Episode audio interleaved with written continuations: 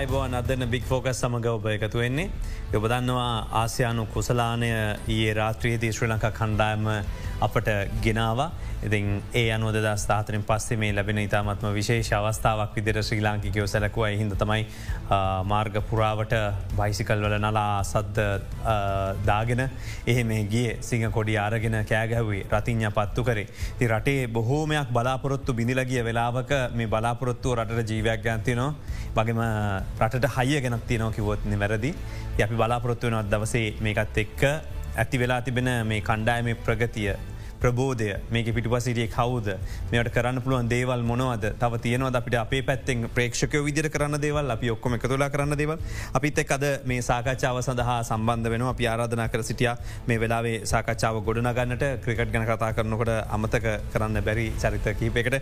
අපිත් එක් සම්බන්ධ වෙන්නේ අද දවසේ ප්‍රවිණ ක්‍රිකට් විස්තර විචාරක කමල් දේශ ප්‍රමහත්ම අයිබෝන් බෝ පිළිගන්නවා. ඒ වගේම මාධ්‍යවේදී සහ ක්‍රිකට් පුහුණුකරු රංජ පරණ විධාන මහත්ම අපිත් එක දෙනවා අයිබෝන් වත් පිළිගන්න. ඒවගේ අපිත් එකතන ප්‍රවිණ ක්‍රකට් විචාරක හරිත පෙරමහත්ම අයිබෝන් වත් පිළිගන්න. වැඩසටාන ආරම්භේ මොබට කියනම අපි ඊය රාත්‍රියය පැවතිච්ච තරගෙන් අනතුරුව පැවතිච්ච මාධ්‍යහමෝට යමුට බයල බොහෝ දෙනෙක් මේ වෙලාවේ මාධ්‍යහම නැරබුවේ නෑ රාත්‍රිය හින්ද. මේක වැදගත් කොටස් කීපයක් තිබෙනවහන්න ඒ කණ්ඩම් නායක කළ ප්‍රකාශයන්. අපි ගිහිල්ලෙමු ඒ කතාවට. කණ්ඩෑම ගැන මම කලින් සඳහන් කරමකොද කණ්ඩායමත් හොඳ ඉතාම දක්ෂ කණ්ඩායමක් ඉන්නේ. එක්ස්පීරියන්ස් තියෙනවද නැද්ද කියලනෑ ඔවුන් මැද්ද ඩාහම හැමෝම ඩිලියෝ කරනවා. ඉතින් වැදගත්වෙන්නේ ඒ ඩිලියෝ කරන්න ඕන එන්වාරමටක අප කෝජ ස්ටාප සිලෙක්ටර්ස්ල සීනිය පලේස්ල ඒගොල් හදල දිල තියෙන ඉතින් ඒක මාර වැදගත්වෙන ඕනම් ක්‍රඩගෙට ශවාසය තම හැමදේට මුල.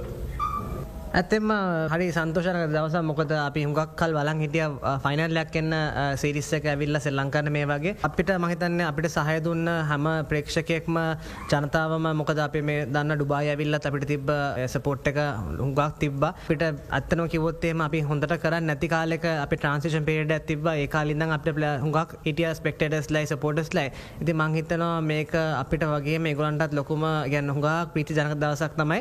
ඉති මේ විදිට සෙල්ලං කරන්තම අප එක බලාපොරොත්තුව. විකට පහක්ගයා මනදමයි කෝච් ඇතුළටාව ටෙන්තෝව ඇවිල් අපිට කිව්වේ අපි දෙන්න ඔස් පහලකරත් බැට් කරන්න කියල පුළුවන් ඉට පස්ස ඇහව කිය ගහන බල මංක එක සිතිය කතල හවත් මහිතන්න මට මොද විකට ඇත්තන ලේසි උන්න බොලොට සීමුණ පට හැංවෙලාව මුල්ටික ඉතින් මහිත අත්තන කට වනිදුර වනිදල්ල මගේ ප්‍රශකහෙම අයිකරල දුන්න. මොකද ගහ මහිතන්න තිස් පහක්තු ලකුණු ගහ පොඩි බොල ප්‍රමාණකට ඇතුර අපි කතා කරේ වෙලාවේ කොමර එකසි හතලයක් රැස්කන්දම කතාවන ඇතර කණ්ඩායමට එල්වෙච්ච චෝදනා පෞගේ කාලේ විවිධ මාධ්‍ය ඔස්සේ ලෝක කුසලාන ගත්තත් බානු වෙනම කඩිෂන්සල තියෙන. ඉතින් ඒ කඩිෂන්සල්ට අපි කොලි පස් ගහනක ඇඩ්වන්ටේජ් එක අපි බලාවරත්වන තරංගාලයත් හොඳින් කළ ජයග්‍රහණය කරන්න. මොකද අපිට ඒ පොටන්ශල් එක තියෙන කණ්ඩායමක් ඉන්න මම මේ වෙලා කියන්න පුළුවන් තරම් අපිට සපෝට් කරන්න. දසුන් අද වංගා ශ්‍රී ලංකාවට ඉතාමත් විශේෂ දවසක් ඒ දේශන අපි දවල්වගේ ආසියානු ජනපන් දීර්ඝ දිනාගත්ත හයින් පාට. දැන් අපි ආසියානු දීර්ඝ දිනාගත්ත ගානි පාට රටේ ලොකු අර්බුදකාරී තත්ත්වයක් මැද්දේ අපි ඇවිල්ලා ක්‍රීඩා කරේ. අපිට සත්කාරකත්වයේ ලැබිලා ඒ ක්‍රීඩාකාරීන්ගේ එකක් ලැබෙනවා. මේ වගේ මොහොතක අපේ වගේ ජයග්‍රහණයක් ලබා ගත්තම ඔබ නායකයෙක් විදියට මොකද්ද හිතන්නේ මොකද ඉදිරියේදී අපිට ඉතාමත් වැදගත් තරඟාවලියක් තියෙනවා. මම ඇත්තරම නායකෙක් විදි හිතන්නේ ක්‍රිකට් ක්‍රීඩාව ගත්තතින් හැමදෑම ලෝකය ඉදිරියම තිබ්බා. ඉතින් ඒක ගැන ප්‍රශ්න කොච්චර නැගුවත් අපේ ක්‍රීඩකයෝ වර්ල් ස්ටේජ්ජය කියල හොඳර ක්‍රීඩා කල තියෙන අමුණු අඩු පාඩුකම් තිබ්බත් ඒකොල ක්‍රීඩා කරම හිතන්නේ නෙට්බෝල් ඒගොල්ලොත් එහෙමයි. මම හිතන්නේ මේ ක්‍රීඩා දෙකට අමතරව අපේ අනිත් ක්‍රීඩාව ගැන අවධානය යොමුකරකින් මාධ්‍යයක් විදිට ඇන්ලයිස් කරලා ඒගොල්ලන්ට උඩට එන්න ඕගොල් සපෝට් කරතින් මහිතන්නේ ඒකත් ඇත්තරම හොඳ සලකුණක් කියලා හිතන මොකද ක්‍රිකට් පිතරක් මේ ලංඟා අනිත් ක්‍රීඩාවල තුඩට එන්න ඕනේ. ද මේ කතාවේ දසුන්ශානක කියන වැදගත් ශ්‍රනක කරනායක කන ප්‍රකාශිතා වැදගත්තන මංහිතන්නේ ජෙස්ට මාධ්‍යවේදියෙක් සහ තරග ගැන කතා කරනවන මාධ්‍යය හැසිරීම ඉතාමත්ම වැදගත්. ඔහු විවේචනය කරන්න මාධ්‍ය. හැබැයි ඔහු ටොක්කක් අයින මාධ්‍යයට අනි ක්‍රීඩාවලත් ඔක්කොමත් බලන්න කියල රජ පරමිතන් මාත්‍ය ඔබ මොකක්ද මේක අදහස වෙන්න අනිත් මාධ්‍යයට මොකද මේ කියන්තින පනවිඩ ඇතරම අනිවාරෙන් අපි ක්‍රිකට්ටාරගෙන බැලුවොත් අපි දන්නවා ජනප්‍රියම ක්‍රඩාව ලංකාව ක්‍රිකට්. වගේම ලෝකෙත් ගොඩක් රටවල්ල ක්‍රිකට් ක්‍රඩාව විශේෂම ජනප්‍රිය වගේම කමසලයිස් එකන්නේ ආදාය මාර්ගනොත් මහිතන්නේ වැඩිම පාපන් දරනහම ක්‍රිකට්වලට තමයි තියෙන්නේ ඒ වගේම රක්විවල්ට තින් එය අනුව බලන්නකොට ක්‍රිකට්වල තියෙන ජනප්‍රිතාව නිසාමත් නෙවේ අපි දන්න අපේ අනි ක්‍රීඩාත් තියෙන සමාර ක්‍රීඩා තියෙන අපිට ජාතියන්තරවටමට යන්න අමාරු. සමාර ක්‍රීඩා තියෙන අපිට යන්න පුළුවන් ක්‍රීඩා. ඒ ක්‍රීඩාවලට මංහිතන්නේ අපි වැඩි අවධානයක් සහ මහිතන සැලකිල්ලක් දැක්කෝ හොඳ ඉසෙම ආසියනු සූරතාව දෙවනි වතාවට පිට පිටම දෙනාගත්ත දැල්පන්දුවලින් අපි. ඉතින් ඒ දැල්පන්දු දැන් ලෝක සූරතාවටත් සුසුකන් ලබලතින්න ගිය පර වගේ.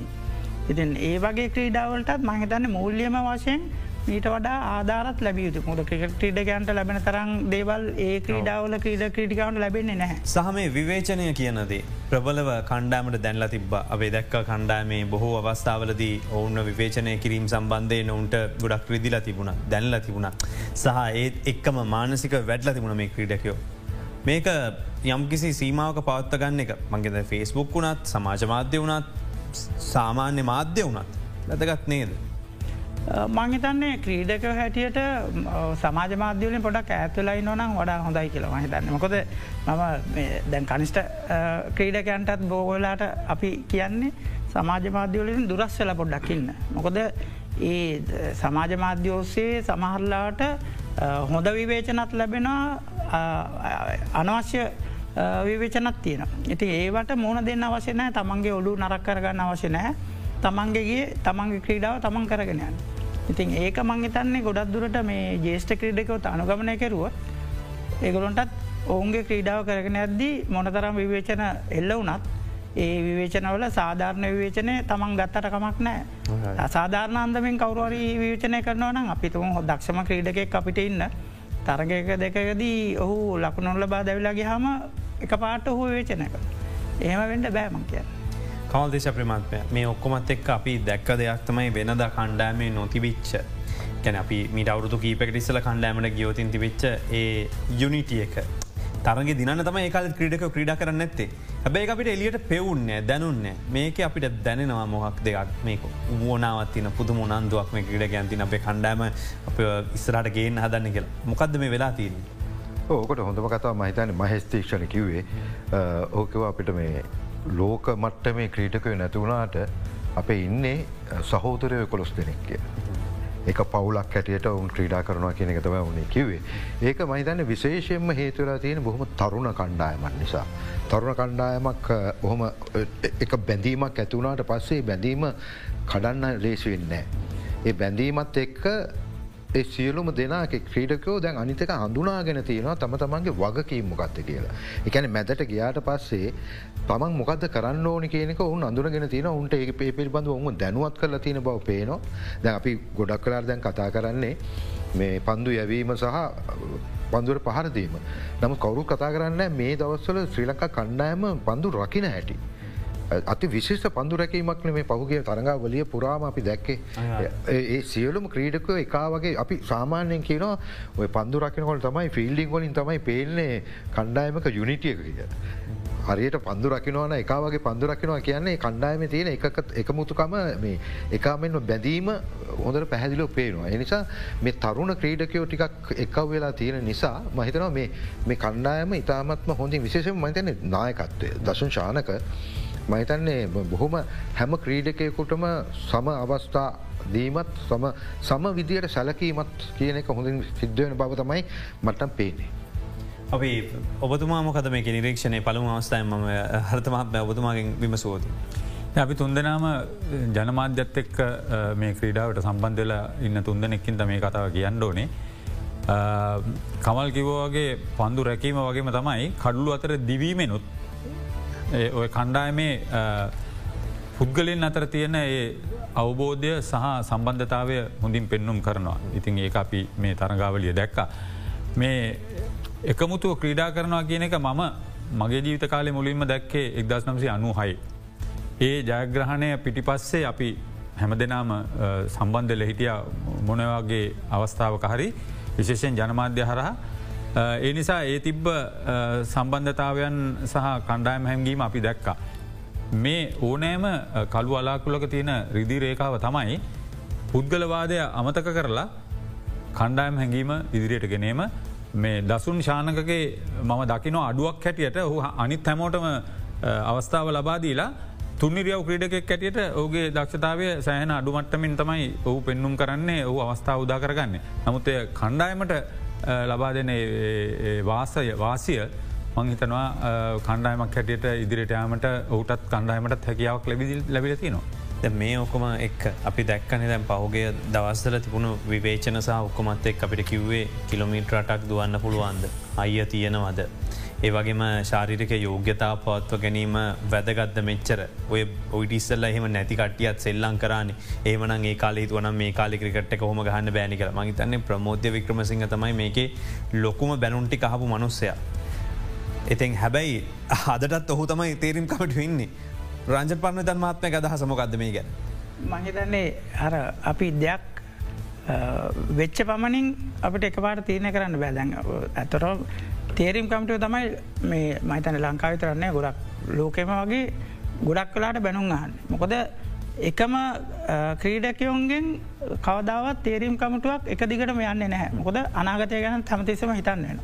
අනාගතය ගැන හිතලා යම් කිසි වෙනස් කිරීම් කරනකොට අනිවාර්යෙන්ම ජේෂ්ඨ ක්‍රීඩකයෝ වෙනුවට කනිෂ්ට ක්‍රීඩකයෝ තරුණ ක්‍රීඩකයෝ ආදේශ කරන්න සිද්ධ වෙන. එතකොට එතනදී අනිවාර්යම විවේචනයක් එල්ල වෙනවා තේරීම් කමටුවලට ඇයි මේ දක්ෂ ක්‍රීඩකයෝ ඔවුන්ට අදැකීම් තියෙන ඔවුන් අයින් කල්ල මේ තරුණ ක්‍රීඩකම ගේන්න. මේගලොන්ට අදැකිමුත්නෑ තේ අදැකීම් ලබාදීම තම අවශ්‍ය වෙන්න. ඇති ඔගුලන්ට තරග ලබාදුන් නැත්තම් ඒ අදැකීම ලැබෙන් නැහැ. ඉති මේ වෙන විට චාරීරයෝගෝ යෝග්‍යතාව ගැනත් ප්‍රමෝදේලා ඇත්තටම වැඩියම සැලකිලිමත් වනේ කාලයක් තිස්සේ අපි දැක්ක ක්‍රීඩකයෝ තරංගාවලියකින් පස්සේ බෝම රිලක්ෂන එකගල ඊට පස්සේ ඒගලොක චාරිටය උගතාව ගැන එච්චර මේ අවධානයකමු කරන්න. ඉති එවැනි පසුබිමක මේ ශාරිටය යෝග්‍යතා පසුබිමක් හැදවාම ස්කින් ෆෝල් සහ කිලොමිට දෙකදවීම එක අද අපේලා රටේ තරන්නව ලෝක හැමරටේම බලන මිනුන් දන්ඩා. එතකොට ඒක ගැන දැඩිව ඉන්නකොට ක්‍රීඩකොත් බලනවා අපිට ක්‍රීඩාංගනයේද අපේ ස්කිල් ලෙවල්ලක පෙන්න්නන වගේම අපේ ෆිට්නස් ලෙවල්ලගත් අපි මේන්ටෙන් කරන්න ඕන කියලා. ඉති ඒක හින්දා ඉතාමත් හොඳයි. ඒ ගැන ඔවුන්ට මුලින්ම යම්කිසි අවවාදයක් හැටියට ඒ ලැබිච්චදේ දැම් පේනා ප්‍රතිඵල. මොක තරගේ අපි දැක්කා ක්‍රීඩාංගනයේදී යක්කු වගේ ෆිල් කරන ඉති ඒ එවන්නක් එන්නේ එක දවසින් එන්නේ නෑ. ඇතරම ඒ ක්‍රීඩකයෝ තමන්ගේ ශාරිරිකෝග්‍ය තවත් ඉතාමත් හොඳින් පවත්තාගෙන යාවිතු. ඒවගේම කණ්ඩෑම පුහුණුකරු මේ ගැන හිතො දැන් සමහරු කිව්ව ඒ කාලේ අපි දැක්ක කියනද සමහරුට මේ කිලමිට දෙක දුවන එක ප්‍රශ්නයක් බවට පත්වන වෙලාවේ සමාරු කිලමිට අට දූපු කටඉන්න කියලතම මුලින් කිවේ අපි ඊට ොඩා දූපු කටඉන්න කියල කිවවා. එතකොට දැ මේ හැම අවස්ථාවකම ඒ කාලෙන් කාලට ක්‍රිකට් එක වෙනස් වෙනවා. හැබැයි ඒවනට දැන් ක්‍රිකට් ඒ කාලෙ ක්‍රිකට් නෙමේ ඊටඩා වෙනස්. තොට ඒ කාල ක්‍රිකට මොනවදත්තනද වෙනස් ලාතින් බේසික් වෙනස් ලා තියනවද? මොනහරි මේක වෙනස් වෙච්ච දේවල්ටික තියෙනවා දැත්තරම. තියෙන මෙහෙමයි. ඇත්තරම රටාවේ වෙනසක් තියෙන්. බේසික්සල වෙනසක් ඇතුවෙන් විදින්න නමුත් තරඟ රටාව. දැ විශේෂයම දැන් දැ අපි බැලුව ඇත්තරම් දැන් තනිදින තරග කියනෙ ඕවර පණය තරගත් දැන් අප නිකම් බලන්නකොට දිග වැඩී වගේ. දැමට 2020ම බලලා. එත 2020 එකක රැඳෙන්න්න නම් පන්දුවෝර විස්සක් තුළ විශාල වැරදි කරන්න බැහැ.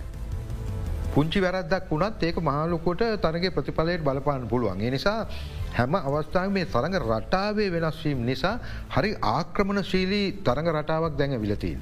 ඒ නිසා ඔය දැන් ෆිටස් කියන එක දැන් ඇත්වසම සාරික යෝගතාව නැත්තන් ට20 ක්‍රිකට තරගවලිය ක්‍රීඩා කරන්න බැහැ ගැනක තරගයක්වත් ක්‍රීඩා කරන්න බැහැ. ඒ නිසා මහිතන මේ තරගාවලී ජයග්‍රහණයට මහිතන අපි ක්‍රඩිට් එක දෙන්න ඕනේ තේරම් කමිටුවට ප්‍රමෝදය වික්‍රමසිංහ ඇතුළු තේරම් කමිටුවටත් සෑහෙන වැඩ කොටසක් ඔවුන් මේ කණ්ඩයම් ගොඩනැගීම සඳහා කරලා තියෙන. ඒ නිසා මේ තරඟ රටාව වෙනස් වෙන කියන අද අද තියෙන දැන් දිල් ස්කූපයක් කියල එකක්කාව. අපේ දිල්ශාන් මොහොයා ගත්ත. ඒකම රිවර්ස් ස්වීප්. ඒ වගේ ඒවා ඉතින් එක පන්දුවකදී මේ තරගේ වෙනස් වෙන්න පුළුවන්නේ. එනිසා ඉතාමත් ආක්‍රමශීලි තරගරටාවක් තම ඇවිල තියෙන නිසා මේක දවසින් දවස දැන් හෙට තරගයකෙති තුම් කවුරල් ක්‍රීඩකෙක් අලුත් දෙයක් කරන්න පුළුවන්. ඒ කරහම ඒක ඊට පස්සේ ඉගෙන ගන්න ඕන ඒක ෆලෝ කරන්න ඕන ඒවගේ දේවල් කරන්න ඕන් ක්‍රීඩකයෝ. එනිසා තරුණ ක්‍රීඩකවන තම ඒක ග්‍රහණය කරගන්න ලේසි. ඒවගේ ප්‍රමාණාත්මකෝ තරග සංකයා වැඩීම එකැන්න අපි අවුද්ධ කරගෙන බැලුවොත් ඒ කාලේ ක්‍රීඩා කරද අපිට අවුද්ධක ටෙස් තරග දෙකක් විතර ක්‍රීඩා කරන්න බෙන්නේ එක්දින තරග ඔන්නම් හතරක් පහක් වගේ. නමුත් අදේම නෙවෙයි අද ක්‍රීඩකවන්ට ටෙස් තරග තියෙනවා ඒවගේම එක්දින තරග තියෙනවා ඒවගේම විස්සවිස තරග තියෙනවා ඒවගේම ක්‍රීඩකෝ ගිල්ලල්ල ප්‍රමියලී තරගොල ක්‍රඩා කරන අන්තර් ක්‍රඩා සමාජ තරගොල ක්‍රඩා කරන ඉති ඒ නිසා අර ශාරීරකයෝග්‍යතාව මුළු අවුද්ධ පුරාම එක දිගට නොකඩවාම පාත්තාගෙනෑම ක්‍රීඩකයෝට අත්‍යවශ්‍ය දෙයක් වෙලා දීම. පොඩි රිලක්ෂන විදයක් වෙලාක් නැද තකොට කියන්න මිනිසුන් ජීවිත ඇතියන කිලවලා එම හිතන්න බයිද මේ ක්‍රඩාවන ක්‍රඩාවම ඉන්නන කියන්නේ දවත් දෙකතුනකට ඕන්න පොඩි රෙස්ටක් ගන්න පුලන් එහම තමයි කාර්යවල ජීවිත ඇත්තම ක්‍රඩකයොත් ගත කරන්නේ. අපි ඒ තරගෙට අවත් දැන් පලවනි අපි ඒ තරගේ දැකපු දේවල් ඒට ඉස්සල තරගෙත් දැකපු දේවල් ගොඩ දෙනකොට තිබුණ ප්‍රශ්නයක්ත්තමයි මේ කාසිය වාසිය කියන එක වැදගත් කියන කෑල්ල. කාසිවාසය තරම් වැදගත් කියන හැබයිකට දසුශානක උත්තරයකුත් දෙනවා මුත් මේ කාසිවාසය ඇත්තනම වැදගත් නැහැ කියල ඔප්පුකරපු අවස්ථාවක් නේදනේ. ඔහුව ඒ තත්ත්වය වෙනස් වෙච්ච අවස්ථාවන් තියෙනවා ලෝක ක්‍රිකට් දයා හැරිල බැලූ හම. මේ තරගාවලියේදී ශ්‍රී ලංකා කණ්ඩායම දෙවනිවට තරඟ කල්ලා තරඟ ජයග්‍රහණය කර නිසා තමයි ඔය තත්ත්වය වැඩිදුරට බලපෑවි. නමුත් ඒ අවසන් තරගේ ක්‍රඩා කල ක්‍රඩාංගනය තිබ්බ වාතාවරණය. එහි හැසිරීම ඊට වඩා වෙනස් බව දැන් අපිට කියන්න පුළුවන් අපි සෑන ඇත හිටපුින්ද අපිට ඒ වෙලාව කියන්න බෑ. මේ තරගයට ශ්‍රී ලංකාව මේ තරග වලියට ඇත්ත වචයෙන් ශ්‍රී ලංකාව සහභාගි වෙච්ච වෙලාවේ ඉන්දියාව තමන් ඉදිරියෙන්ම හිටියේ පසුගේ වර ශූරතාවය දිනාගත් කණ්ඩායම වැඩිම ශූරතාවයන් දිනාගත් ආසියානු කණ්ඩායම ලෝකයේ තියෙන විස්සයි විස්ස ක්‍රිකට්වල සම්පූර්ණ ආධිපත්තය තියෙන්නේ ඔවුන්ගේ රටේ. නමුත් ශ්‍රී ලංකාවට ඔවුන්ගේ කඩතුළු භාවය තවත් තීව්‍ර කරන්න පුළුවන් අවස්ථාවන්නාවා. තරංගාවලියේ වැඩිම ලකුණු ලාබයා වැඩිම කඩලු දවාගත් ක්‍රීඩකයා වැඩිම සම්බන්ධතාවයන් පවත්තු ක්‍රීඩක නොක්කොම ඉන්දියාව ඉන්දද්දි. ශ්‍රී ලංකාව දෙවනුවට ගිහිල්ලා පකිස්ානයත් සමඟ ඉන්දියාවට එල්ලකරපුයේ අභියෝගය අපි අඩුවෙන් තක්සේරු කරන්න බෑ. ශ්‍රී ලංකා කණ්ඩායමේ පුහුණුවීමේ තිබ්බ වෙනසේ හොඳම මල්පල ගැන්වීම තමයි ශෘතාවේ දිනා ගැනීම. එය අහම්බයක් නෙවෙයි කියලා අපිට කියන්න පුළුවන් සමස්තයක් ඇටියට මුල් තරගේ පරාජය වෙලා ලබා දුන්න ආදර්ශය. එතොට මේ තන තීරුව වෙනස්වීම මේක බලපෑවද ඊයේ තරගෙට. මයිත ඩුබයි ක්‍රීඩංගනේ තනතීරුවේ ශ්‍රී ලංකා ක්‍රීඩකෝ තරඟමට කලින් තරග සංඛ්‍යාවකට සහභාගල විචින්ද ඔවුන්ට අදගේම තිබුණ නමුත් මේක බැද අපක වෙනසක් වුණාද බං සාමන සාජා තනතීරුවයි ඩුබයි තනතිරුව ඇරගනලකොට ක්‍රීඩාංගනෙත් ස්වභා ප්‍රමාණය අඩු හින්දත් බොහෝවිට සාජතනතීරුව පිටිකරුවන්ට වඩත් යෝග්‍යයි. නමුත් ඩුබයි තනතීරුවත් දැම් අපි දැක්ක අවසාන තනගේති කෝමහරි මධ්‍යස්ථ තනතීරු සැකසීමත් තමයි සිද්ධ වෙන්නේ. නමුත් උදේ පාන්දර කට්ටකදයා අපි බලනකොට තේරෙනවා වේග පන්දයන්නන්ට හොඳාකාරයකට තමයි තිබුණේ ඇතරම අපිට අවාසි තත්ත්වයක්. ඒම තත්ත්වයක් තුළ අපි කාසියවාසය අහිමිකර ගැනීමත් කණ්ඩායමට ලොකු අවශ්‍යයක් වුණා. නමුත් ඒ අවාසය වාසයක් බවට පත් කරගන්න මැදපල පිතිකරුවන්ට හැකි වුණ. මුල් කඩු දවාගත්නට වේග පන්දයවන්න හැටියට පකිස්ාන් පන්දයවන්නට හැකිවුණත් ඔවුන් ඉතාමත් හොනේ වේග පන්දයවන්න හැටියට ප්‍රසිද්ධයි මොකොද එකසිය හතලිය හකසි හතලිස් පාට වඩා පන්දයවන ක්‍රීඩක ඔවුන්ගේ ඉන්නවා තුන් හතර දෙනෙම. ඉති එහෙම තත්ත්වත් තුළ අපේ පිතිකරුවෝ ඉතාමත් හොඳින් ඔවුන්ට මුහුණ දීලා එකන බලාපොරොත්තු රහිත ලෙස. එකැන අපි පනස් ගනට කඩලු පහක් දැවිලා ගිල්ල තියද්දී ලකුණු එකසි ඇත්තාවක් ලබාගෙන මහිතන්නේ පදුර විශවාසන කඩලුවට ලකුණ එකසි ඇත්තාව ගෙන දුන්න. ලබාදුන්න මහිතන ඒක ඒවෙලෙම තරග ජයග්‍රහහි ලකුණක්ට ගෙන හැටිතම් පේෙන් තිබ. දැ මේකේ අපිට පේන දෙයක්තමයි මේකත් එක ගලපනොද ඊස්ලඟ තරගේත් මේක මැද ඇහුවනතු ඇහුවට සමාවෙන්. දැන් අපිට තියෙන සුදුසුකම් එමනත්තන් අපිට තියෙන හැකියාවන්න එක බලන්නකොට අපි විශේෂෙන්ම දඟපන්දු යවන්නන්ට හොඳ අවස්ථාවක් කණ්ඩාම තුළ තියෙනවා. සෑකට සූදානම් හැබැයි දැන් ලෝක කුසලානයට අපි විස විස සූදානම් වෙනවන අපේ ඊළඟට ඔස්ට්‍රලියාව තරඟ තනතීරු මේ විදර හැසිරීද කියන්න බැ විශේෂෙන් වේග පන්දයන්නට උචිත විදිරම හැසරු හැදුණු. අපිට ප්‍රශ්නයක් තියෙනවාද. එලියෙන් ඉදර බලන්න විදිර මොකක් ඔබතුමාලගේ නිරීක්ෂණ නැද මෙහෙමයි දඟ පන්දු යවන්න කැන ගෝෂණය කොහොමත් ඉති වේග තනතිරි තමයි හම්බෙන්නේ. නමු දැන් අපි දන්නවා දැන් දුෂ්පන්ත චමීර අපේ ප්‍රමුඛතම වේග පන්දයවන්න ආබාධයක ලක්වල මදක් එලි ඉන්න. මතැන ඔට ලෝකුසලානය ක්‍රීඩා කරන්න පුළුවන් වෙයි. ලහිරු කුමාරන්නවා ඒකම දැන් මේ ක්‍රීඩකින් දෙදන මේ ගුඩා ක්‍රීඩකින් දෙදෙන ප්‍රමුද්ධ මදුෂාන් සහ මදුසංක දෙදෙනම ඉතාමත්ම හොඳින් පන්දුයව්වා. ඉති එනිසා අපිට වේක පන්දු නැහැ පන්දු යවන්න නැහැ කියලා කියන්න බෑන රාසිත ප්‍රනාාන්දු ඉන්න අනි පැත්තෙන් බිනුර කසුන් ලබල ඉන්න මේ වෙලාබනට ආබාධ ලයිස්තුව ගොඩයි. ගොඩයි. නමුත් ඔවුන් වෙනුවට ක්‍රීඩා කරපු අපේ නවක වේක බන්ධුවන්න ඔවුන්ගේ රාජකාරී තමත් හොඳෙන් ස්ටකරව තවත් දෙයක් තියෙනවා. ඔස්ට්‍රේලියාවේ තනතිලිවල වේගේ පමණක් නෙවෙයි. ඉපිලීමත් තියෙනනේ බෞන්සක ඉතින් දඟ පන්දු යවන්නට බෞන්සක උපයෝග කරගන්න පුලන් දැන් අපි ඔස්ට්‍රලියාව ගැන කතාකරොත් අපි කතා කරනනේ ශයෙන් මෝන් ගැන ස්ටුවට් මැගිල්ගෙන ඒකින්ද ඒ බෞන්සක පාවිච්චි කරන්න පුළුවන්. එනින්ද වේග පන්දු යවන්න විතරක් සලකන්න බෑ කිය අදසේ මමින්. එකන අපි සූදානම් කියන ඔබතුමා කියන්න ඒවගේතම චතුර අපි කොහේ ගිල්ල ක්‍රීඩා කරොත් අපි ඉතිහාස අරගෙන බලුවත් දකිනවා ලංකාව විතරන්න ඔය පිටරටකට ගියත් අපේ ස්ට්‍රෙන්ත එක තියන්න ගොඩක් කලාට ස්පින් එක. දඟ පන්දුව. තිය දඟ පන්දයන්න හැටියට අපේ ඉන්න දඟ පන්දයන්නන්ට හැකියාව තියෙනවා. සාමාන්‍ය හිත කර නෝන තනතිරෝලත් කඩුල් ලබාගන්න. ඒකතම අපිට තින ඇඩ්වාන්ටේජ් එක අපේ ස්පිනස්ලට අපි රංගනය රත් මුරලිදරන් ගින්දලම ආපු දඟ පන්දයන්න මේ වන විට වෙනත් රටවලට ගිල්ලත් කඩු ලබාගෙන තියෙන ඉති මහිතන ඒ ඇඩ්වාන්ටේජ් අපිට තියෙන එක අපේ ස්ටේන්තෙක් අනිතක චතුර ම හිතනවා ප්‍රබල සාධකයක් වෙයි මේ දඟ පන්දුයවන්න පමණක් නෙවෙයි ඕල් රවන්්ඩස්ලා. දසුන් ශානක චාමික කරුණාරත්න වනිදු හසරංග. මේ තුන් දෙනාට බිනුර ප්‍රනාන්දුවත් ඇතුල් කරගන්න පුළුවන් වුණොත් ඔවුන් හතර දෙනා ක්‍රීඩා කලොත් එකට ක්‍රඩා කරයි කියල බලාපොරත්තුවෙන්ට බෑ හතර දෙනම් නමුත් එවැනි තත්ත්වයක් ආවොත් මේ ඕල් රවන්්ඩස්ල හලහා ලොකු කාර්යභාරයක් ඉටුවෙන්න්න පුළුවන් කියෙන අදසෙත් ම ඉන්න. එකන කඩුළු පහ ගියත් දැවිලා ගියත් අපිට මැද පෙළ ශක්තිමත් අපේ මේ තියාගෙන ඉන්න පුළුවන් කියන පසුගේ තරගේ ඒතික වුණනේ පනස්සට පහයි ඊට පස්සේ කඩුළු දෙකදී අර්ධ ශතක සම්බන්ධතාවයන් දෙකක්. දැ වගේම අපි පෞගිටික පෙන්ල තින වනිදුත් චාමිකත් ඔවුන් පන්දුර පාර දෙන්න අංක හතාට වගේ නමුත් ඔවුන් ගැන බව විශ්වාසයක් තියෙන ප්‍රේක්ෂකවන්ටත් ඒමයි කණ්ඩායම තුළත් තියෙන විශ්වාසය ඔවුන් දෙදනට පුළුවන් අවසාන මොහොතේ අවශ්‍ය ලක්ුණු සංකව ලබා ගන්න කියල. දුෂ්පන්ත චමිරාවත් ඔහු පෙන්නුම් කල්ල තියෙනවා ඔවුටත් හය පහර එල්ල කරන්න පුළුවන් ක්‍රඩකෙක් කියලා. දැ ම කියන්නේ එකයි ඔය ඕල් රවන්්ඩස් ලයි කතාව. නවසීලන්තේ එංගලන්තේ ඔස්ට්‍රේලියාව උත්තරම් ඉදිරියට ඇවිල්ලා ඉයලමට්නමක ඉන්න ප්‍රධාන හේතුවත් තමයි නමේදහය පිතිකරුවන්ගෙන් ලැබෙන ලකුණු විස්ස.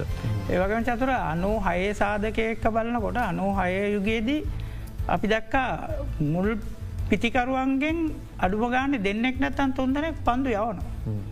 අද කණ්ඩාය මරගෙන බලොත් එහෙම තත්වයක් නැහැ ඉති මුල් දරංජසිල්ල පමණයි සාමානය පන්දුයවන්න කැටිට පිතිකරු අතර ඉන්නේ.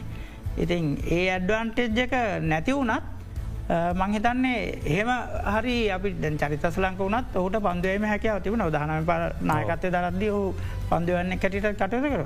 අතන ඔවුන් පන්දුවම ගැන තව වැඩිපුර වේසක් දරනවාන අවශ්‍යලාකද ඔවුන්ටත් පන්දුවර දෙකක් තුනක් යවන්න හැකවත් තියෙන. මංහිතන මේ අසලංකත් අන්තිම වෙලාවේදම අපි කතාබහට ලක්කරපු ක්‍රීඩක දක්ෂ ක්‍රීඩකේ. තොට දැන් ඔහුගේ තැන සම්බන්ධයෙන් ප්‍රශ්නයක් තියේ අපි ඉස්සරහ වෙනකොට දැම්මක දැවිල්ල ස්ථාවරන්න ගත්තෝතින් ඉස්සරහට මේ කණ්ඩා මේ මහිතන හැම ක්‍රීඩකකුටම තැන සම්බන්ධයෙන් ප්‍රශ්නයක් තියනොද. මොකද දැන් එලිඉන්න ක්‍රීඩකෙක් ඇතුල්ට ගෙනහොත් අර අර ක්‍රීඩකට වැඩි හොඳර කරනවා සමර බොහෝ විට දැන්ගේ සිද්ධ වෙන්නේ එක. ඒ නිසා හැම ක්‍රීඩකයකුටම දැන් පීඩනය කියන්න මේ සියට විසිපහදීලා හරියන්න දැ. සීර සියම දෙන්න වෙනවා. නැත්තං අනිවාර්ම එලිය ඉන්න සිද්ධ වෙන අසලංක වගේ ක්‍රීඩකෙක් මහිතන්න කවරුත් බලාපොරොත්තුනා කියලා තරග තුනක දිව විදිටම අසමත්වයි කියලා. නමුත් අසමත් වනාට පස්සේ දනන්ජයතෙන් නාවති දනංජාවට පස්සේ දැන් ඒ තරගෙති වුණත් දනංජයගේ අර අලංකාර හතරේ පාරවල් හතර නිසා තමයි මහිතන අර පීඩනය සෑහෙන්ට අඩුවන. අනිත් පිතිකරුවන්ට පීඩන සෑහන් අඩුන එක ඒකෙන් තමයි ඔය තත්ව දෙන්න ඕනේ. ඒකම භානුකගේ හරි පරිනත ඉනිමක් ක්‍රීඩා කරේ හු සාමාන්‍ය අපි කෙනට මැචුව ඉනින්න එකක් කියලා එහෙම ඉනින්න ක්‍රීඩා කරේ. ඒ නිසා හැම ක්‍රීඩකයකුටම දැන් තර්ජනයක් තියෙනවා. කණ්ඩාවෙන් පිට ඉන්න ක්‍රීඩකින්ගේ දැන් පොමෝත් බඳුෂාන් මහිතන ගෙනාව අර ක්‍රීඩකෙකුට විවේකයක් දෙන්න මේ අපි කෝමත් අවසන්තරගේ ක්‍රඩා කරනවා කිය නමු තන්තිමති ඔහු පෙන්නු දස්කම් ඒ කඩලු හතරයි අන්සානදී. ඒ නිසා හැම ක්‍රීඩකයකුටම ඒ අනුව මේ තර්ජනයක් තියෙනවා. යගම තම චතුර දැන් අපේ දෙවන පෙලක් පෞගේ කාලෙකිවනේ දෙවන පෙලක් දකින ලැබුණ හැක ඇතවශ හොඳ දෙවන පෙලක්කින්න ද මේ වනට අන්තර් ක්‍රඩා සමාජ මට්ටම ක්‍රඩා කරන ශ්‍රී ලංකා නැගී එන්න සංචිතය හිටපු ක්‍රීඩක යෝගේ ඒ සංචිතය හිටපු ක්‍රීඩකයෝ අපි දක්නවා මේ ක්‍රීඩෙක් මේ දානමෙන් පාල දැන් අවුද් දෙකට කලින් ක්‍රීඩාකරවා නිශාන් මදුශංක කෙලෙල්ලා ඕ මේනට අන්තර්කිට සමාජ තරංගාවලේ තරඟ හතරකදී ලකුණු හත්සියක් රස් කල්ල දනවා. එක තරගගේ ලකුණු තුන්සියයි ඒවගේම ශතක තුනක් ඊළඟ තරගතුර. ඉති ඒ වගේ ක්‍රීඩක ඉන්න ඇමතිස්සම මේ සටනක් දෙන්න බලාගෙන තිවැනි ක්‍රීඩකයෝ ගණනාවක් ඉන්නවා. ඉතින් ඒක හින්දා මංහිතන්නේ අනාගතයට අපි අහිතනවට වඩා අපේ ක්‍රිකට ක්‍රීඩාව ගැන සුභවාදියෝ බලන්න පුලො. හෙට එච්චර කලුවර නෑ කියන තමයි පනිවිඩේ අපි කතා කරමගෙන් තවතුරට අපට දෙන්න කෙටි විරාමක් සදායුම වෙලා එන්න ඉට පෙර. ඔවැලිත් අදන බික් ෝක සමග ප්‍රවීණ ක්‍රකට විස්තර විචාරකයෙන් දෙනෙක් සහය වගේම මාධ්‍යවේදියක වගේම තේරීම් කම්ට නියෝජනය කරපු කරන කෙනෙක් ක්‍රිකට පුහුණුකරුව එක මේ කරන සාකච්ඡාව දැන් ගොඩ දෙනෙකුට අපිට මුල ඉඳලම විච්ච ප්‍රශ්නයක්තම මේ කොළමින් පිටත කොහොමද ක්‍රඩාව ගෙනියන්න කියන එක. තුර ගමේ ක්‍රිකට් එක එන්නේ නෑ කියන එක හරියට දොර ක්‍රීඩක කීප දෙෙන යාගේ. දැ මේ පාර ටීම් එක බලනකොට මේ නියෝජනය බලන්නකොට ඔබතුමල්ල කියවීම මොකක්ද මේ ගැන. මහිතන් චතුර අවසන්තරගේ ආරම්භක පන්දියාවන දෙන්න අරගෙන බා මදුසංක ඇවිල්ලා හුංගම විජය බාහු හම්බන්තට ඒවගේම අනිත් වේග පන්දියාවන්න පොහොත් මදුශාන්න ඇවිල්ලා හම්බන්තට තේරිපුත් විද්‍යාලේ ඊට කලින් ඔහු හම්බන්තොට මා විද්‍යාල හිටිය. ඔගේ පුුණුකරු හැටියට පාසලේ කටයුතු කර මන්දන්න ලීලානන්ද කියලා ඔහු පුහුණුකරු හැටියට කටයුතු කරේ මාස්ටෙන් චාජ් හැටියට ඉන්නකව.